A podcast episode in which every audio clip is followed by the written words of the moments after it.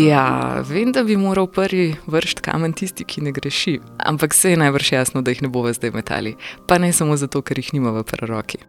Če se zdaj želiva izmuzniti iz te mini zadrege s kamni in grehi, potem predlagam, da samo elegantno preusmeriva pozornost na nekaj drugega. Na nekaj in tudi na nekoga drugega. Na Feliksa Plohla in kar na njegove grehe. Pa da sva bolj jasni. Vsi moji grehi je naslov biografije, ki je lani išla pri založbi Beletrina. Pod prste pa mu je gledal urednik Urban Vovk. Ma, niti ne toliko pod prste, ker je Plohel takrat roman že kar napisal. Urban je bil samo ta stric iz ozadja, ki skupaj z avtorjem knjigo brusi tako dolgo, da se na koncu ne nujno sveti kot diamant, pač pa da pusti močan vtis med bravci. Še preden vstopimo v svet grehov, poveva še, da tudi ta podcast nastaja v sodelovanju s spletnim portalom Erbeletrina. Ustvarjava pa ga Klara Škrinjar in Maja Čakarič. Ja, kul, cool, gremo čitati. Z urbanom volkom.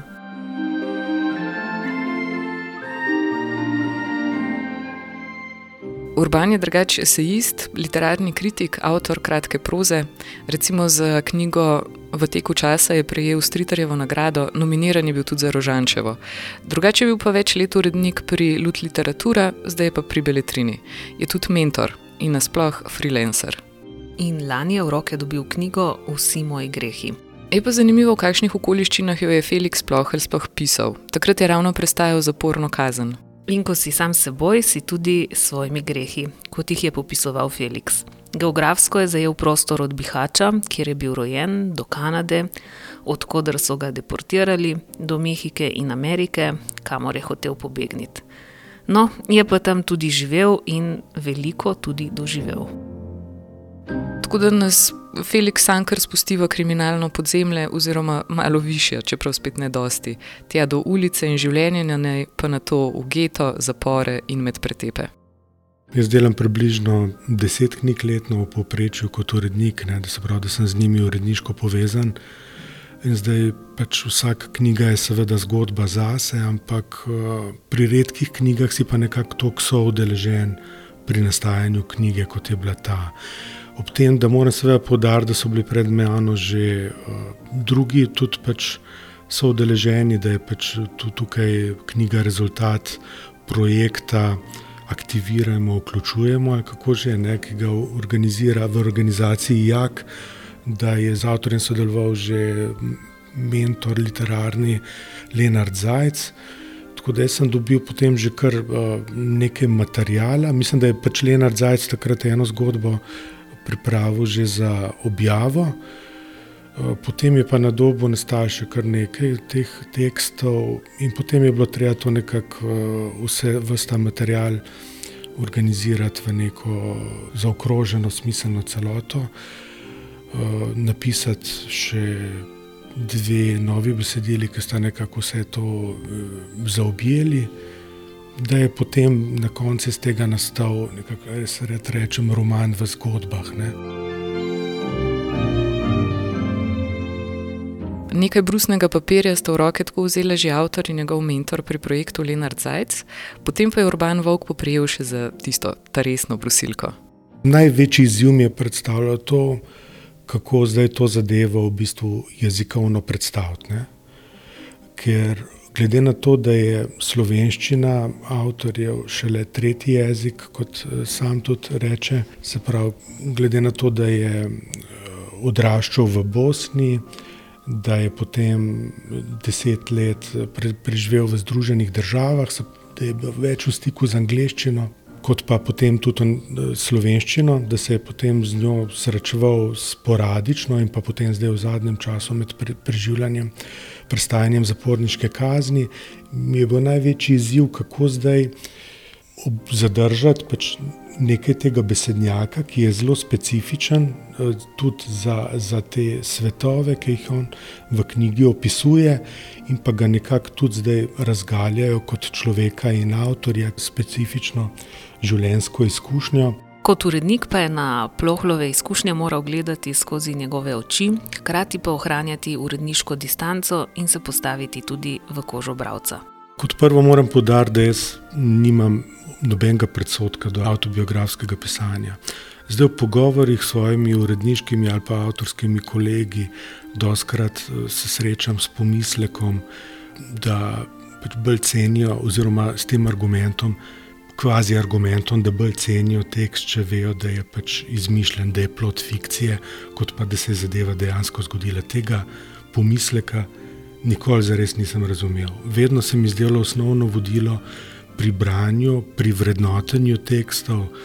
Uh, že prej, ko sem se pač s knjigami srečeval, največ kot kritik, pa pol kasneje kot urednik in tudi v svojih lastnih poskusih, kako je zadeva pač napisana in kako me zdaj kot bralca nagovori, prepriča. Uh, zdaj pa se je zadeva dejansko zgodila ali se ni zgodila, se mi zdi pa dokaj irrelevantno. Doskrat pač se nam zdi, zlasti tisti, ki so bolj strastni bralci kronike, ne, teh priljubljene časopisne strani, da pač življenje prinese več zanimivih dogodivščin, kot pa, kot pa še tok odštekanja izmišljije. Ne, mislim, da se moramo s tem pretežno kar strinjati. Je pa seveda potem stvar literarne obdelave, kako je potem to uh, predstavljeno in kot, kako nas to kot bralce kritike priteguje.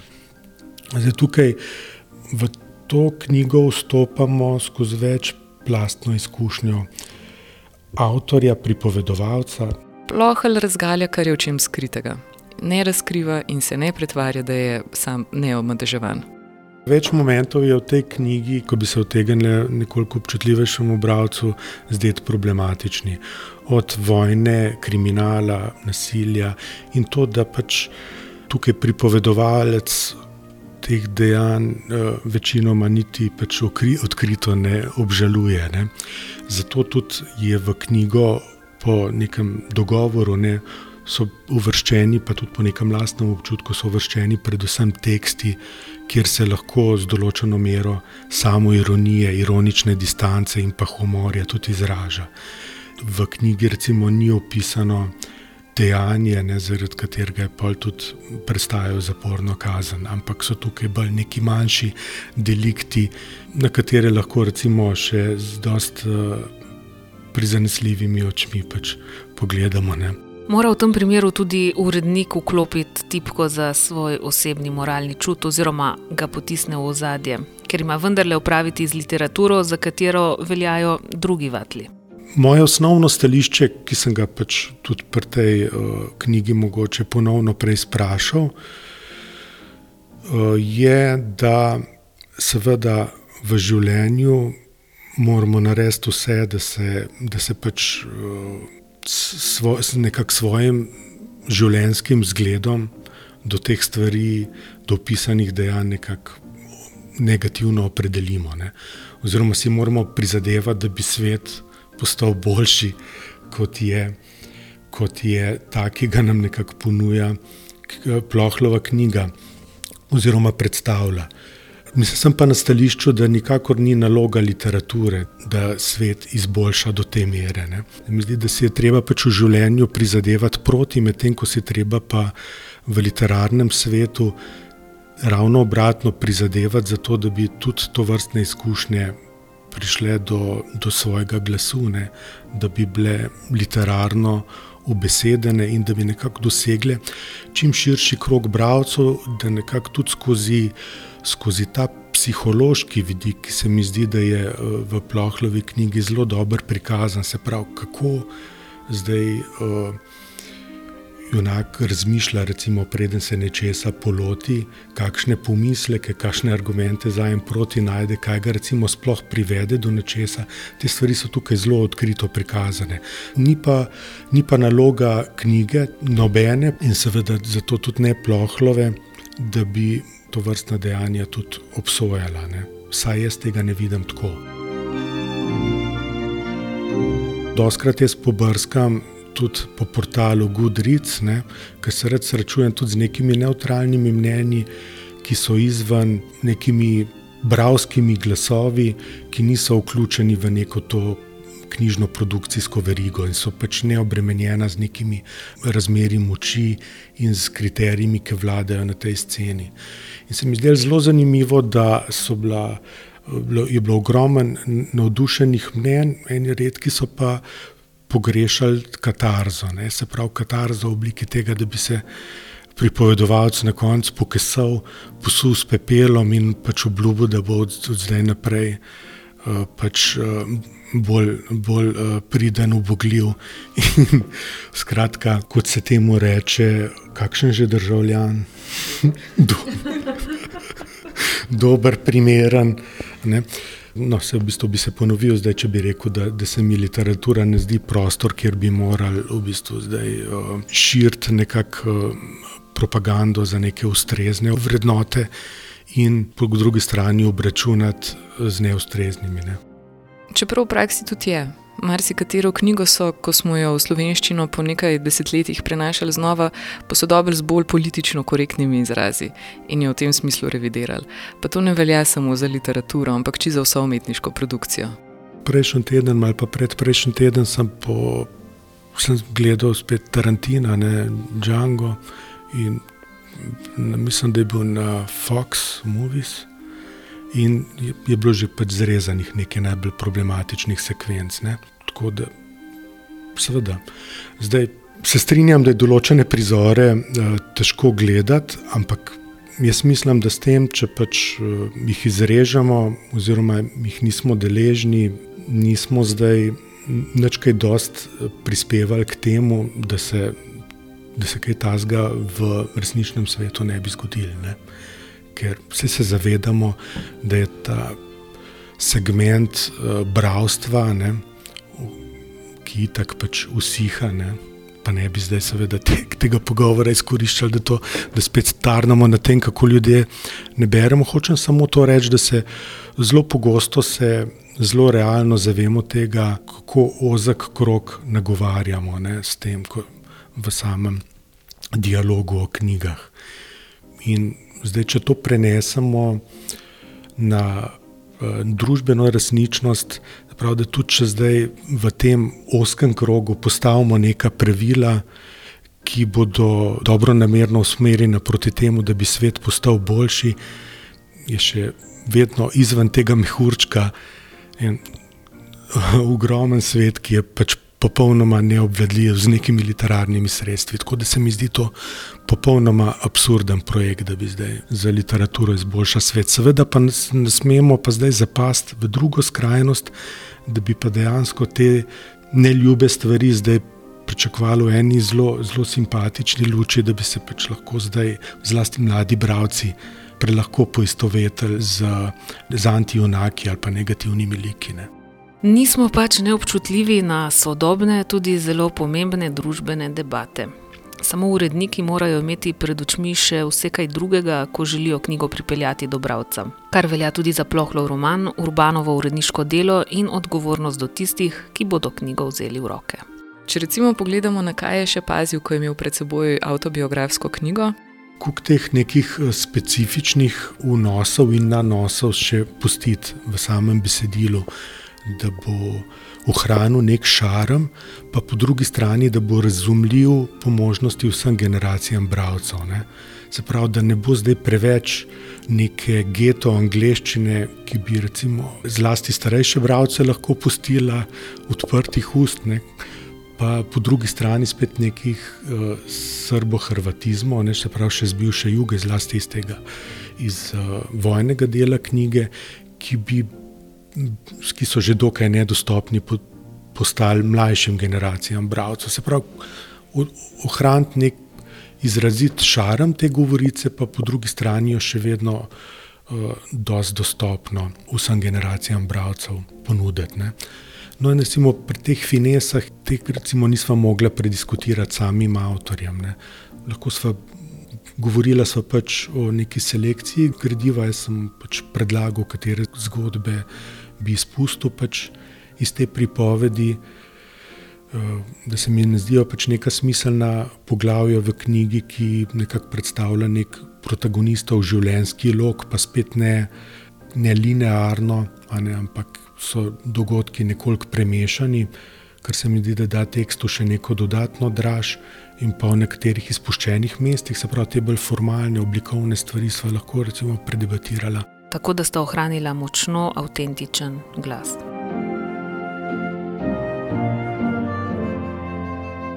Podobno samo svoj in jasen, pa je še en glas. Glas Eve Mahkovic v njeni knjigi Na tak dan najbolj trpi Mastercard, ki jo je prav tako lani uredil Urban. Ja, v prvi vrsti bi rekel, da sem prezadovoljen, da mi je pač lanska letina postregla z dvema tako močnima uredniškima izzivoma.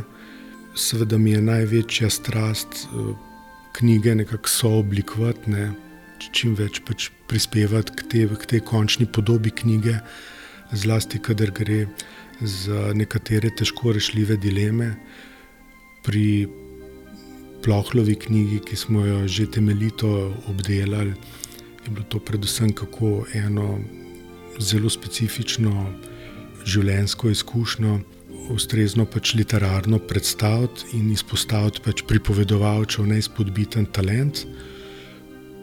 Potem je pa v, v istem letu je pa šla tudi knjiga Eve Mahkovic na tak dan najbolj trpi Mastercard, kjer pa je šlo za druge vrste pač dilem. Ne? In sicer predvsem to, kako zelo specifičen diskurs družbenih omrežij oziroma tako imenovanih Facebook statusov potem uh, predstaviti v knjigi. Ne? Se pravi, kako je zdaj, glede na to, da bo knjiga nosilka, ne pa več nek družabni medij, kako te zapise potem prenesti v ustrezno obliko, da bi zaživela tudi v knjigi. No, s tem smo se ukvarjali tako z avtorico, kot z oblikovalko in nekako ena poteza, za katero smo se z avtorico že dosti malo odločili, je to, da te zapise vseeno nekako organiziramo, ne?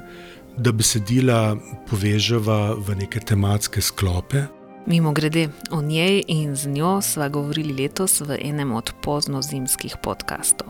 Držijo. In ko smo jo brali, je strašno pasalo, ker te tako lepo prelisiči, da je tudi ne moreš suvereno odložiti v čisto noben žanrski predalček niti ni seveda zbirka kratke proze, niti ni uh, zbirka poezije, ne? čeprav recimo nekatera besedila koketirajo tudi z enimi pesniškimi zapisi, lahko ne, mimo grede v neki prosti formi zapisanimi ali pa recimo kot nekimi kratkoproznimi oblikami.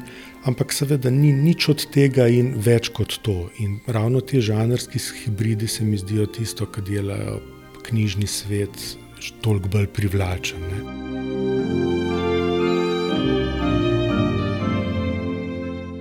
Lansko leto je Norbanovo uredniško mizo prineslo znemirljive presežke, letošnja pa kravžlja možgane in spodoma povzroča sive lase. Če gledamo koledarsko, smo na začetku druge polovice, če gledamo pa čisto izvedbeno, bi pa rekel, da smo še dosti na začetku. Ne? Glede na to, da so bile zdaj pač da, je, da smo zdaj na koncu obdobja nekega prisilnega mirovanja ali pa čakanja, ko je velik založb pač zmanjšalo produkcijo ali pa ustavilo začasno produkcijo, ker še vedno ne vemo, kaj nam bo prinesla jesen. Je bo ta letina pač zelo specifična v smislu zmanjšanega obsega, ne, tukaj je sigurno prizadeta v tem pogledu. Predvsem se mi zdi, da bo ta letina manj zajetna, ampak zato, zato neč manj, kako naj rečem, kakovostna. Ne? Ker se mi zdi pomenljivo dejstvo, da ta povečana produkcija, ki smo jo priča zdaj v zadnjem večletnem obdobju, ne, nima kakšnega posebnega dokazanega vpliva na sam dvig kakovosti. Pomeni pa to tudi večji pritisk na urednike. Ta preprosta matematika. Več knjig, manj časa za branje, manj knjig, več časa za branje. Vedno se mi zdi ena tako najbolj pogosta zadrega, ki nastopi, je ta, da se mi vedno zdi, da bi se dal za knjigo pač narediti še več. Ne? Če bi živeli v starih, dobrih časih, kjer bi se zadeve delale še na daljše roke kjer bi izhajalo občutno manj knjig. Ko oddaš knjigo, se ti zdi, da bi jo vedno lahko še enkrat prebral. Potem, verjetno, ko bom bral čez leta, bi se mi zdelo, da bi lahko recimo, še kakšno spremembo predlagal, da bi lahko vedno naredil še več. Ne. Urban mora nekako iz vsake knjige, ki jo ureja, ne glede na čas, iztisniti tiste iskrice, ki, če se dobro užgejo, začarajo bralce in ga odpeljejo v nove svetove. Nikoli nisem bil redno zaposlen urednik vedno sem bil pač samo honorarni sodelavec, v bistvu freelancer. Ne? Tako da sem, sem imel ta privilegij, da sem izbiral knjige, ki so se mi zdele najbolj zanimive, ne izključno te, ampak v večini primerov bi pa rekel, da sem imel nek vpliv na to, kaj bom bral kot urednik. Že v začetku 2000-ih, v začetku stoletja, čeprav se to grozno sliši, ko sem eh, šest let urejal zbirko Prišliki pri ljud literatura in potem zdaj tudi zadnja leta pri Beletrini. Tako da glede tega pa res uh, moram reči, da, da sem kar v privilegirani poziciji, da sem imel pri tem, kaj sem bral kot urednik, kaj sem dobil na svojo uredniško mizo, zmer kar dost besede. Jo ima pa seveda tudi, ko izbira knjige za svojo nočno umarico. Poletje se razveselim najbolj tudi zato, ker imam takrat največ časa za tako imenovana neslužbena branja. Ne. Trenutno imam kar dobro založeno eh, nočno umarico.